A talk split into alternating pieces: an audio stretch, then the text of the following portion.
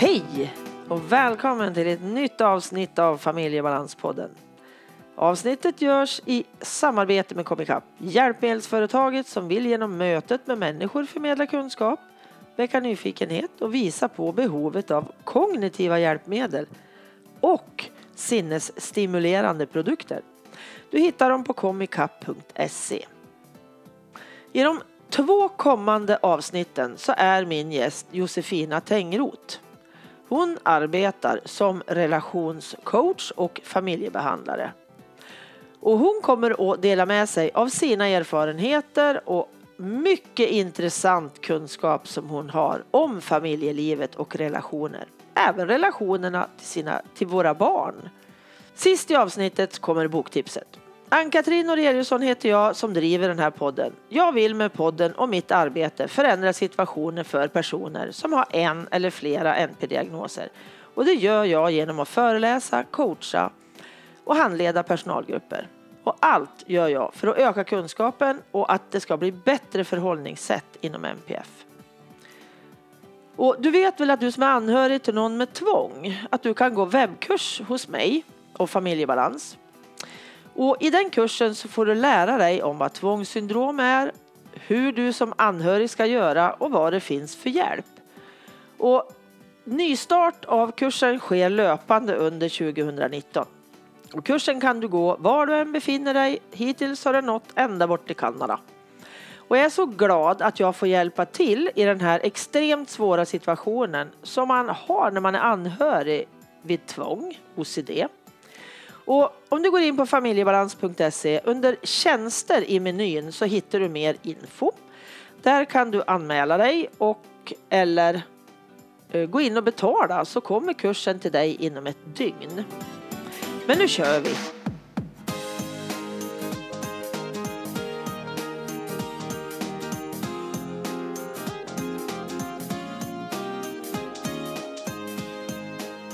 Hej och välkommen Josefina!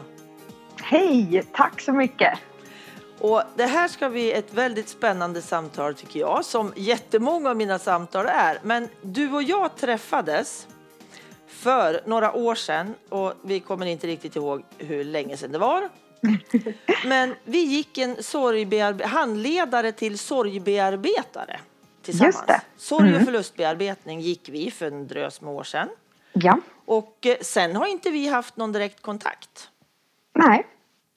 Det har varit, jag har sett dig via Facebook och sådär vad du gör och vad som händer och så kom jag på att herrejösses, henne vill jag ju ha med i podden. Du har ju ett jättespännande område förutom sorgbearbetningen. Mm. Så jag tänkte att du får berätta själv Josefina, vem du är och lite vad du gör och sådär. Yes.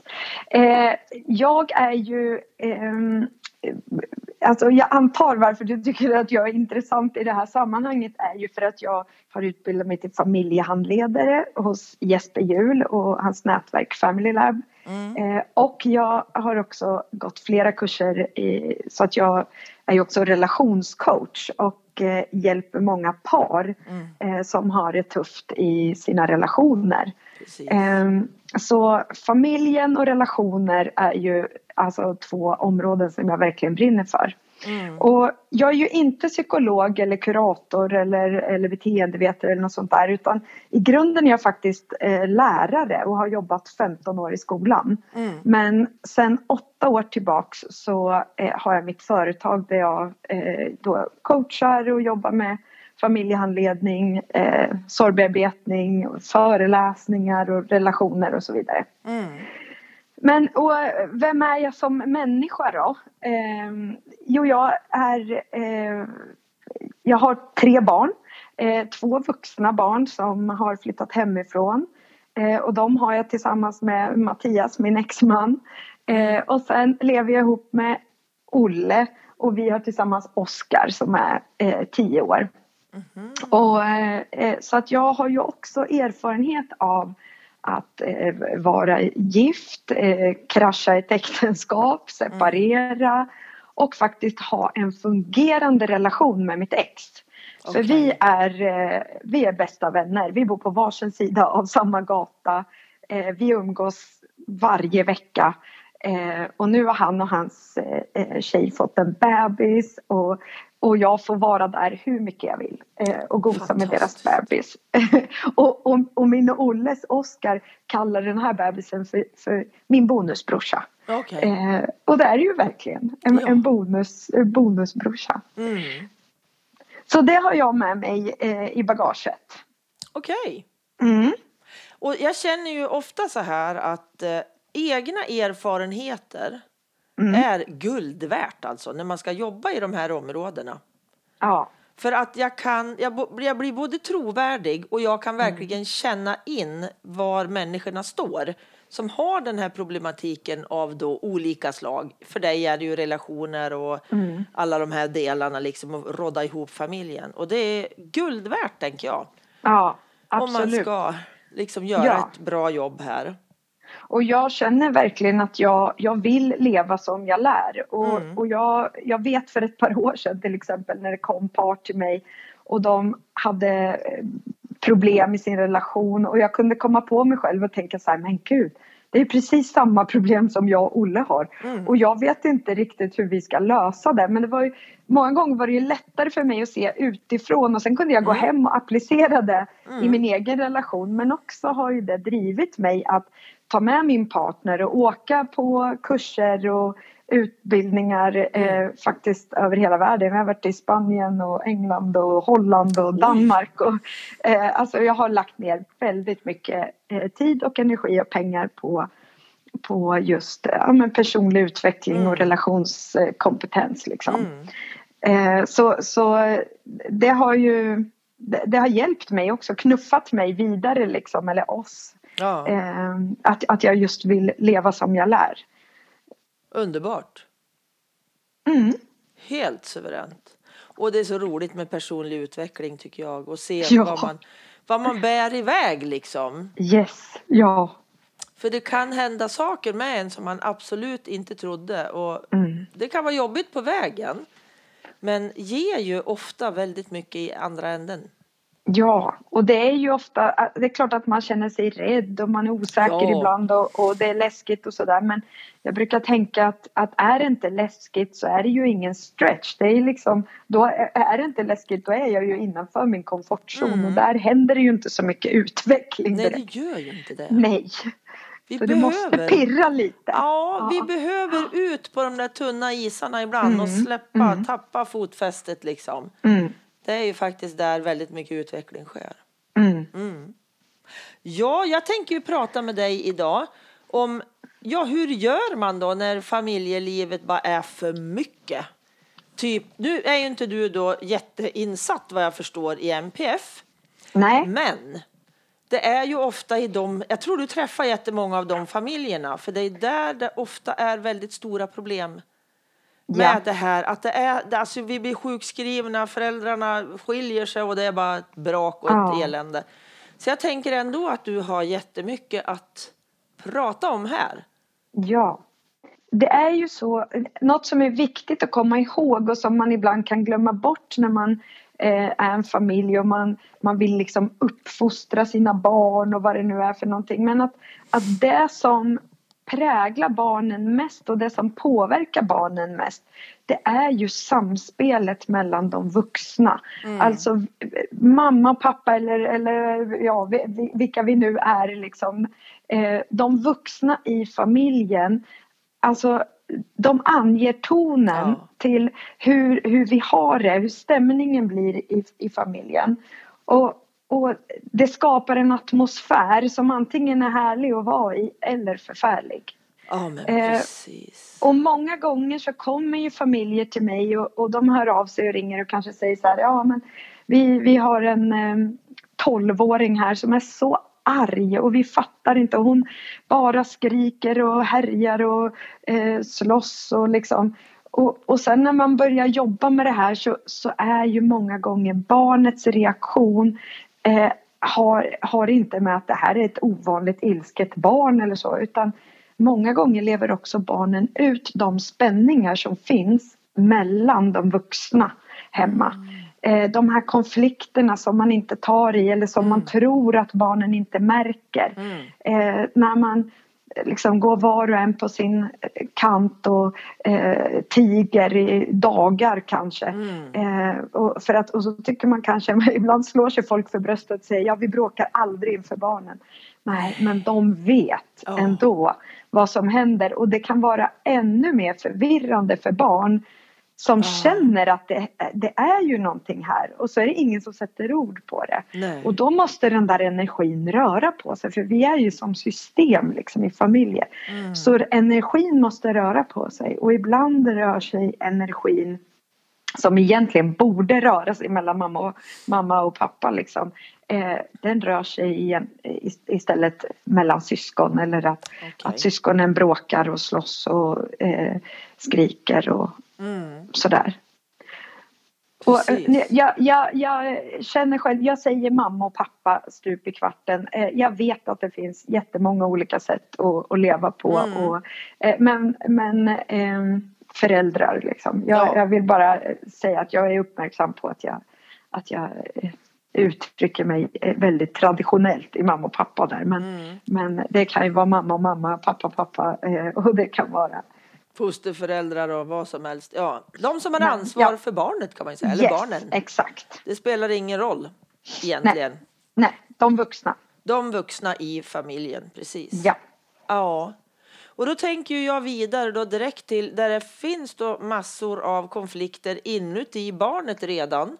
Ja. Som är alltså de här funktionsnedsättningarna som barnen har och som många mm. av dem också är oerhört lyhörda för känslor. Yes. Och energierna i familjen. Ja, ja, för känslor smittar liksom.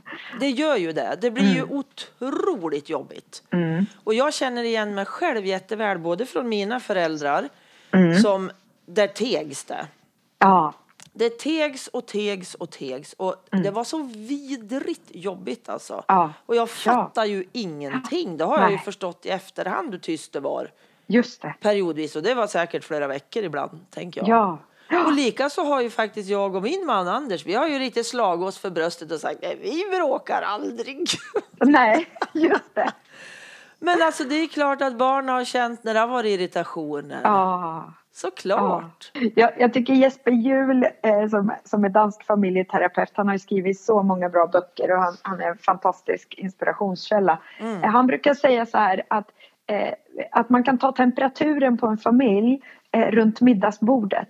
Okay. Alltså när, när, när, när det funkar i kärleksrelationen och paret har det bra och så där, då, då, blir det liksom, då blir man som en magnet till eh, middagsbordet. Det är härligt att komma dit och sätta sig och man kan prata och dela om mm. dagen, hur den har varit och, och, och det är liksom öppet och, och fint att vara tillsammans. Mm. Medans är det liksom är det konflikt, ja men då vill ju helst ungarna äta framför tvn eller på rummet eller hos en kompis eller, mm. eller, eller så vill man bara gå från bordet så fort som möjligt liksom. Mm. Därför att eh, då, det, det, det, det, märks liksom ja. när, när, det, när det inte funkar.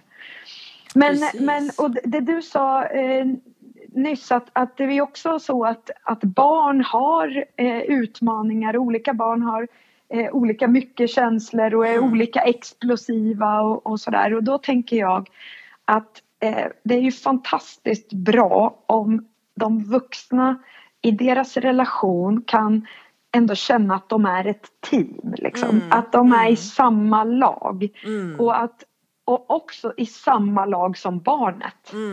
Mm. Att, att vi i familjen, vi är, eh, liksom, vi är tillsammans och vi vill och, och, vi ska göra det så bra som möjligt för, för alla. Mm. Eh, och, och ibland så, så tänker ju föräldrar så här att, att man måste göra allt lika och man måste hålla prick samma linje och sådär. Jag tror inte riktigt på det, för att vi är väldigt olika och vi kommer ifrån olika bakgrund och vi har haft det väldigt olika. Och, och jag kan se att, att jag och min första man liksom, eh, vi var väldigt, väldigt olika. Och, och just där och då så kunde jag ha massor med idéer om hur jag tyckte att han borde uppfostra barnen och hur, mm. hur vi skulle ha samma regler och samma eh, ja du vet med allt eh, och inget.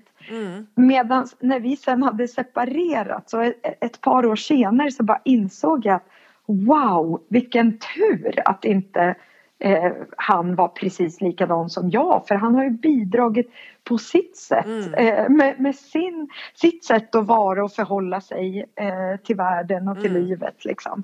Och, och, och det har varit så hjälpsamt för våra barn eh, för att de på det sättet har, har kunnat plocka russinen ur kakan liksom. Mm. Mm. Så, men att, att hitta liksom eh, man, man behöver ju ändå hitta i sig själv att, att vara förälder eh, inifrån. Att vad står jag för? Vad är viktigt för mig? Och, Mm. och så där. Det, det såklart behöver man ju prata med varandra om Mm. i paret. För att är man väldigt långt ifrån varandra då, då blir det ju också mycket konflikter eh, Mm. på grund av det. Liksom. Mm. Och precis, och jag tänker också att man själv behöver fundera, vad, vad ingår i min föräldraroll? Mm. Att man liksom för, alltså förtydligar för sig själv. Ja. Var går min gräns? Just det. På något vis, tänker jag. För det har jag tänkt Ja. många gånger. Var är det liksom, hur mycket ska jag ställa upp? Hur mycket ska jag rodda? Hur mycket ska Ja. jag... Det kan, jag kanske inte får det precis som jag vill som förälder, men jag har i alla fall tänkt igenom. Mm. Så det inte bara blir liksom. Just det.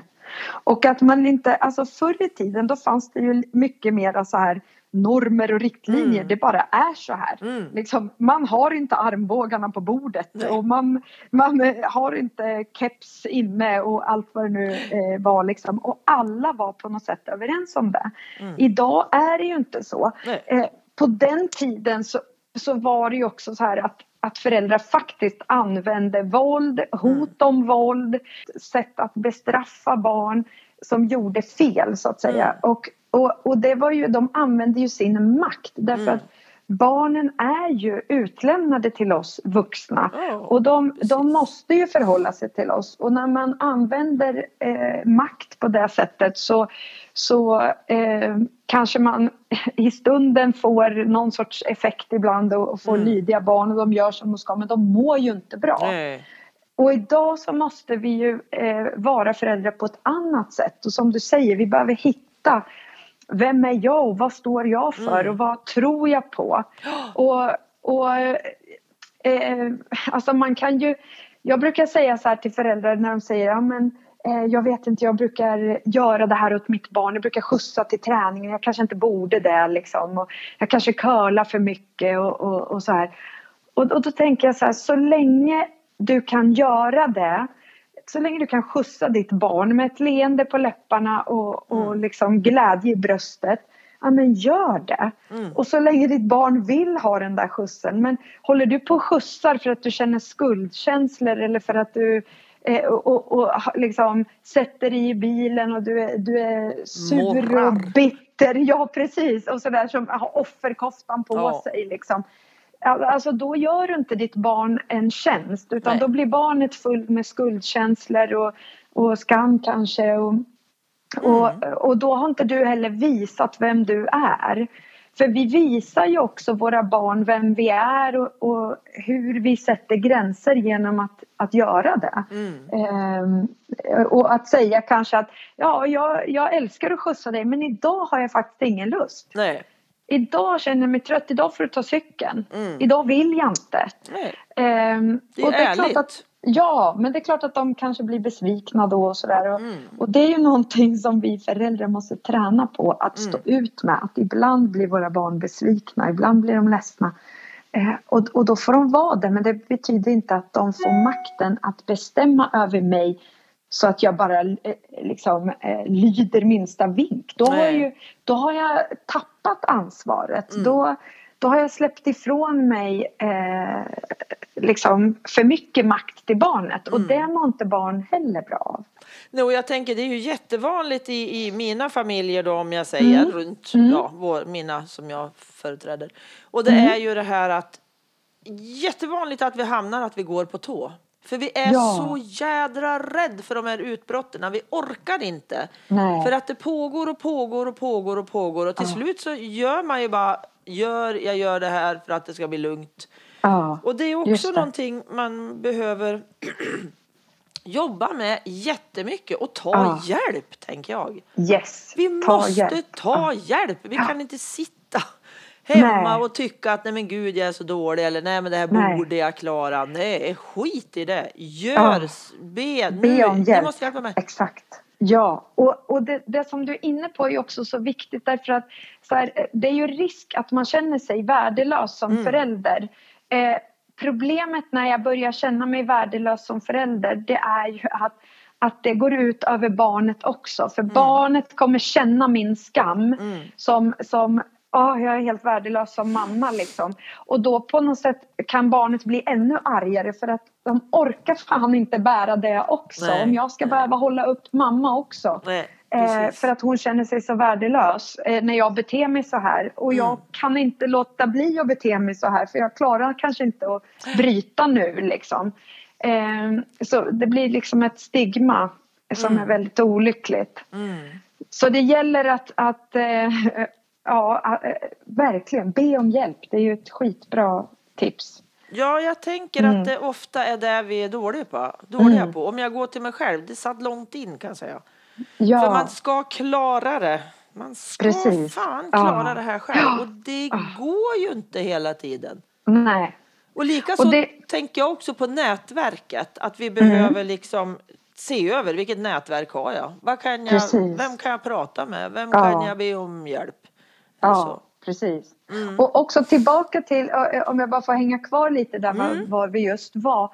Så tänker jag att, att alltså igen om man, om man tittar bakåt lite i tiden så, så alltså många av oss som är föräldrar nu eh, är ju också uppfostrade på ett sätt som, som verkligen inte är hjälpsamt när man har med, med barn med funktionsnedsättningar, eh, säger man så, eh, att göra. Ja, precis. Eh, därför att det här liksom eh, Alltså vissa av, av de sätten så som man betedde sig mot barn förr det funkar inte. Och, och om man tror att liksom mitt barn ska stänga av tvn direkt när jag säger det, för jag säger det liksom. Mm. Ja men då, då kommer man få konflikter om man inte Mm. förstår att att eh, jag behöver skapa utrymme, lite förförståelse, det måste Jajamän. finnas det är massa struktur och, och Mm. den, eh, allt det där måste jag som vuxen ta ansvar för. Mm. Jag måste liksom tänka före Mm. eh, och inte förvänta mig lydnad. Nej. Eh, och, och, att, eh, och att höja rösten så ska det hjälpa eller någonting utan det blir precis tvärtom. Mm. Ja, Så det krävs, ju, det krävs ju mycket av föräldrarna och, Ja. och känner man inte till det här, har man inte kunskap om lågaffektivt bemötande och, och det här strukturen och allting, ja men då, då kommer det ju bli bråk efter bråk efter bråk och konflikt efter konflikt Mm. och, och där alla blir förlorare för barnen känner sig ju helt värdelösa eh, föräldrarna känner sig helt värdelösa och det blir, det blir ju jättetungt Mm. eh, att vara eh, familj Mm. eh, då. Precis. Och bara, bara, liksom, bara det här, alltså när föräldrar inser att barn gör rätt om de kan. Yes. Alltså det är ju sånt skifte när jag, när jag möter familjer och när, Mm. när föräldrarna, när det går upp för dem att jaha, jag kanske har ställt för höga krav på min femåring eller Mm. jag, jag kanske förväntar mig saker av min tioåring som, som hans eller hennes hjärna inte är mogen för ännu. Eh, när de fattar det, liksom att, att, att vi, vi kan inte tro att våra barn f- tänker likadant som vi vuxna gör utan de känner, eh, vi, vi kan känna igen oss i varandras känslor men, Mm. men tankarna är så olika. Ja. Eh, barn tänker på ett sätt och vuxna tänker på ett annat sätt. Och det är en, det är en process liksom som tar 20-25 år innan, innan deras hjärna är färdigutvecklad och de kan Mm. ta konsekvenser och allt det här. Och vissa kommer aldrig komma dit. Nej. Och om man, om man kommer ihåg att de gör så gott de kan Ja. så kan man i alla fall mötas med mer empati Ja. och, och med nyfikenhet. Yes. Att vem är Ja. du och vad är det för någonting du försöker och förmedla som jag inte förstår. Mm. Liksom. Man får ett helt annat möte än om man dömer att du ska inte slänga i dörren, du smäller inte igen dörren på det här sättet så då tar jag den dörren. Eller, Oh. Alltså du vet, det finns så många tokiga grejer som vi Ja. föräldrar fokuserar på. Ja. Och, och som, Och där det bara blir mer. Ja, men mer och, konflikt. jag har ju varit där själv genom att Ja. mina ungar nu då är 29 och 30 så är det ju Ja. ett tag sedan men dock minns jag ju allt när Ja, speciellt då våran son mådde så vansinnigt dåligt periodvis för han hade ju svår ADHD och sen Ja. kom det till en massa andra diagnoser som vi inte fattade från början. Men just det där, alltså han slog ju igen dörren så dörren hoppade av. ja. Och tavlorna flög av krokarna Ja. när Ja. han dängde igen dörren. Och jag vart ju arg. Vad fan Ja. gör det unge? just det. Alltså, åh, Ja. och jag, man ångrar ju vissa saker någonting Ja. så kolossalt. Ja. Men jag fattar inte bättre då. Nej. Och sen får Precis. man kompensera då, alltså och ta reda på mer, sätta sig in mer, vara intresserad, fråga, Ja. prata, prata, prata, tänker Ja. jag då. Att just att Ja. ställa frågor och vara Yes. intresserad som du sa, det är så fantastiskt frigörande. Och att också så här, när man väl kommer på det där att jäkla vad tokigt jag Ja. har gjort. Vad fasen, det här blev ju helt fel. Alltså gå tillbaks till Ja. ditt barn, även om det är tio år senare Ja. och säg liksom Hörru du, när, när vi eh, hade de här konflikterna och jag gapade och skrek på dig. Alltså jag fattar ju så här i efterhand att jag gjorde ju bara saken värre. Ja. Och, och, och det, var, det var mitt ansvar och jag tog inte riktigt det och det blev tokigt liksom. Mm. Jag vill att du ska veta det. Alltså det är ju healing. Ja. Att som barn få höra det från Ja. sina föräldrar även när man är 20 eller 30. Liksom. Mm.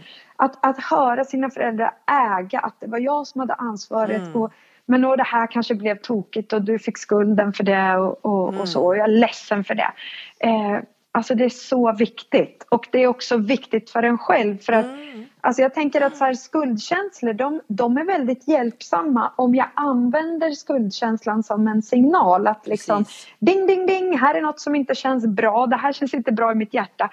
Titta på det, vad handlar det om? Mm. Be om ursäkt. Mm. Och sen får man kasta bort skulden. Man kan inte gå runt med skuldkänslor för som sagt då måste någon annan hjälpa och stö- stötta upp mig när jag ska gå där och känna mig värdelös och dålig och sådär. Ja. Och det blir jättetungt. Ja. Så använd bara skulden som, som en signal att nu behöver jag reparera, nu behöver jag rätta till någonting. Ja men exakt. Det det, för det där är svårt för många att skilja på skuld och skam. För Ja. jag tänker skuld det är ju det här när jag har parkerat fel och så fick jag parkeringsböter. Fan alltså det där var ju inte Just det. riktigt rätt. Nej, nu gjorde jag tokigt. Nu Ja. Mm. gjorde jag tokigt. Men skammen är ju något annat. Det är ju något Ja. jag liksom känner som jag inte är, som jag inte behöver känna skam Jag över. är helt Jag är värdelös, fel. Liksom. Ja. Precis. Men nu har jag Ja. gjort något fel när det är skuld. Och skam och skuld driver oss i olika riktningar. Mm. När vi känner skuld för någonting då vill vi ofta gottgöra. Om jag Mm. råkar, om jag råkar eh, välta ner din kaffekopp liksom, när jag går förbi Mm. och så får jag skuldkänslor. Nej men gud vad slarvig jag var. Då rör jag mig tillbaks till dig och säger men gud förlåt nu välte jag ut din kopp här och så Mm. vart du ju blöt på benet. Kan jag, jag hämtar en handduk, kan jag köpa en ny kopp kaffe till dig? Mm, Eh, mm. skuld hjälper oss att liksom hitta tillbaka. Mm. Eh, Medan skamkänslor, alltså då vill jag ju helst gömma mig, jag vill inte se dig. Och ibland väcker också skam eh, ett behov av eh, antingen att peka ut dig som boven. Att hur fan kan du ställa kaffet så där långt ut på kanten? Hur Mm. fan tänkte du liksom? Att man Mm. vill lägga ifrån sig eh, ansvaret och skylla på den andra. Mm. Ibland så när vi känner skam så, så skrattar vi vilket också i, i föräldrar-barn-relationer kan bli jättetokigt för att föräldrar kan uppfatta vad fan du skrattar med rätt upp i ansiktet Mm, eller mm, lärare som mm. reagerar och tycker att han bara flinar med rätt upp i ansiktet. Men det är en, en, en instinkt eh, som kommer liksom där man försöker att, att mildra det här som har hänt så vi blir lite generade Mm. och skamsna och då kan vi många gånger skratta. Mm. Eh, vilket som kan uppfattas väldigt provocerande för den som då eh, ja, är på andra sidan så att säga. Mm. Eh, och ibland blir man aggressiv men ibland vill man också dra sig undan. Så nu vill jag aldrig mer se dig. Liksom. Jag kommer undvika dig, titta åt ett annat håll när jag ser dig. Mm. Så, så skammen driver oss mer ifrån. Och det är väldigt viktigt i relationer, både i kärleksrelationerna alltså mellan vuxna, att vi inte skammar varandra, att vi inte använder skam eh, som ett eh, maktmedel. Mm. Och i, i, också i, i föräldrar-barn-relationen, att inte skamma våra barn. För att Alltså de, den, där, den där rösten som de sen kommer prata med sig själv eh, i huvudet sen när de är vuxna, det är ju liksom rester av hur vi har pratat till dem, om dem. Så har, har vi använt mycket skam i våran uppfostran mm. så, så kommer det ju skada självkänslan mm. och då mm. kommer vi ha sen unga vuxna som tänker om sig själva att jag är helt värdelös det, det, är ingen idé, det går inte att tycka om mig för fan. Jag, jag är bara helt jävla värdelös mm. liksom. Ja men exakt. Och det, det ska vi bespara dem från. Yes. Och jag tänker också på det här med när man ler, alltså flinar någon upp mm. i ansiktet då som en del mm. känner. Det kan också vara att jag är på väg att börja gråta. Ja. Så då får ja. jag ett leende för jag ja. håller ihop så in i helsike för det har jag upplevt själv. Alltså jag ja. har varit Precis. så utsatt i någon situation. Och då har det blivit så att, vad sitter du och flinar åt? Och det är för att jag kommer att gråta om tre sekunder om Precis. jag inte har den här minen. Så att den, den, där flinet kan dölja så många saker som jag... Ja. En plågad själ alltså. Verkligen. Och det behöver vi komma ihåg. Mm. Att ingen mm. gör elaka saker för att den vill. Det är ju för att Nej. den inte kan annat just Precis. Då. Precis. Det blir så. Ja. Ja, det, och just det här också det här som vi pratade om att vissa ha, hittar ju inte sin mognad eller får inte sin mognad förrän långt upp i åren. Ja. Och det är ju jättevanligt just runt MPF och de diagnoserna att mog ja. mognaden kommer så långt senare Yes. Jag kanske är över 30 när jag närmar ja. mig vad en, en alltså vanlig eller eh, vad ska jag säga då? Ja. Ja, lagom vanlig ja, unge precis. är när de är 18 ja. eller 20 och då kanske man är över 30 innan man når den känslan när man precis. har NPF och det måste man komma ihåg. Yes. Och ner i åldrarna också. Alltså en, en åttaåring är inte som det vi tänker en åttaåring är. Nej, precis. Den har inte de förmågorna än. Nej. Minst 30 procent säger man ju skiljer i ålder. Ja. Alltså mognad och ja. ja. kalenderår då. Och det där är ju så hjälpsamt också för den frustration man annars kan känna som förälder. För att det är ju lätt att, att eh, liksom få för sig, alltså jag, jag, oh, jag blir allergisk när, när mm. föräldrar säger så här, ah, han vet minsann vilka knappar han ska trycka ja, på. Eller, eller så, här, så som om barnen gör det här för att jävlas liksom. Ja. Men om jag istället har eh, förstått att barn gör rätt om de kan, ja. de vill samarbeta, de vill eh, mm. liksom vara goda och, och göra rätt och, och allt det här. Men det är inte alltid de klarar det. Då mm. behöver man inte heller ta det så personligt. Nej, alltså man viktigt. behöver inte fästa sig vid om en unge tappar eh, humöret och kalla mig för alla möjliga fula grejer. Alltså, jag kan själv välja om jag vill bli kränkt av det, om jag tänker låta mig bli liksom, mm berörd av det e- eller om jag bara kan se att oj vad mycket energi det kom nu. Ja. Eh, undrar vad det här handlar om. Liksom. Ja men liksom. precis, den där nyfikenheten. Yes. Den är skitviktig. Den är jätteviktig. Absolut. Men den kräver ju en vakenhet av oss vuxna. En vakenhet på mig själv, att jag är medveten om vad som drar igång i mig. För som mm. du sa, liksom, när din son sopade igen dörren och du skrek utanför mm. och, och liksom, jag menar så där har jag också gjort och kan göra fortfarande. Mm. Så kan jag tappa liksom ibland och det är ju ofta när jag är trött, mm. hungrig, eh, har varit stressad för länge, har inte ja. liksom, haft möjlighet att ta vara på mina eh, behov. Eh, då har jag ju svårare att vara i balans och vara sådär vuxen och klok och mog mogen. Liksom. Mm, mm. Så det handlar också hela tiden om att de vuxna behöver ta ansvar för sig själv.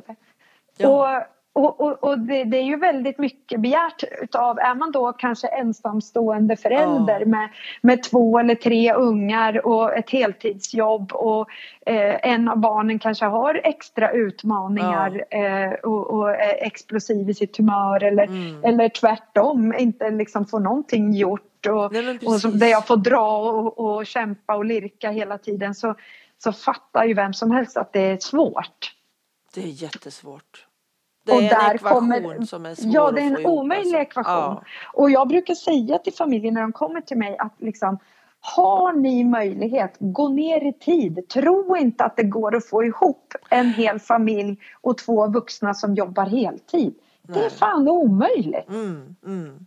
Det går inte. Jag känner ingen som gör det, som lyckas med det och där alla mår bra. Nej, Nej det sliter. Utan det sliter. Så, och det här är en period eh, när barnen behöver oss extra mycket. Liksom. Går det att dra ner på saker och ting eh, under de här åren så har man ju sen besparat sig själv och varandra oh. så mycket. Liksom. Mm. Eh, även om man, man kanske liksom får köpa lite mindre och, och åka på lite mindre resor och eh, vad det nu är för någonting. Mm. Eh, men det, och det är också bra för miljön. Ja, eh, om vi inte eh, shoppar och reser allt för mycket. Liksom. Utan, men att istället här, försöka sätta guldkant på vår vardag. Mm. För livet är ju en massa vardag. Det är en mm. massa mm. vardagar. Och kan vi ha det bra och härligt tillsammans i familjen så att, att komma hem, det blir någonting som är skönt. Att komma hem till vårat hem, det är en mm. oas som man längtar till. Där jag kan vara mig själv och där jag kan ladda batterierna och där, där jag kan liksom eh, känna mig älskad och, och värdefull och, och så här. Alltså herregud, det är ju värt allt. Mm. Absolut. Och att det kan finnas en liten vilopaus även hemma för, för även för föräldrarna. Att man, ja. att man, för jag tänker, jag måste fråga dig, eh, ja. hur mycket tid har du? För jag tänker att vi får göra det här i två, göra två avsnitt av det här.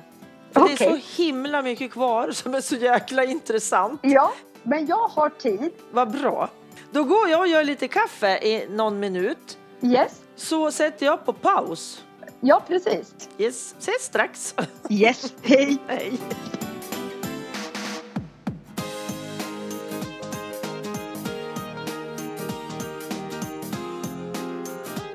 Boktipset. Din kompetenta familj av Jesper Jul. Alla familjer är olika. Det finns inte någon färdig mall som talar om hur man gör för att bli den perfekta familjen.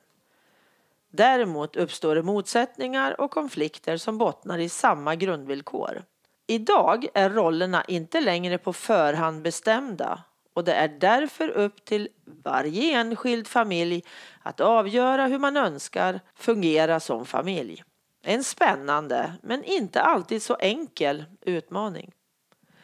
I din kompetenta familj visar oss den välkände danske familjeterapeuten Jesper Juhl vad vi bör vara uppmärksamma på för att kunna hantera konflikterna och för att få vardagen i familjen att fungera.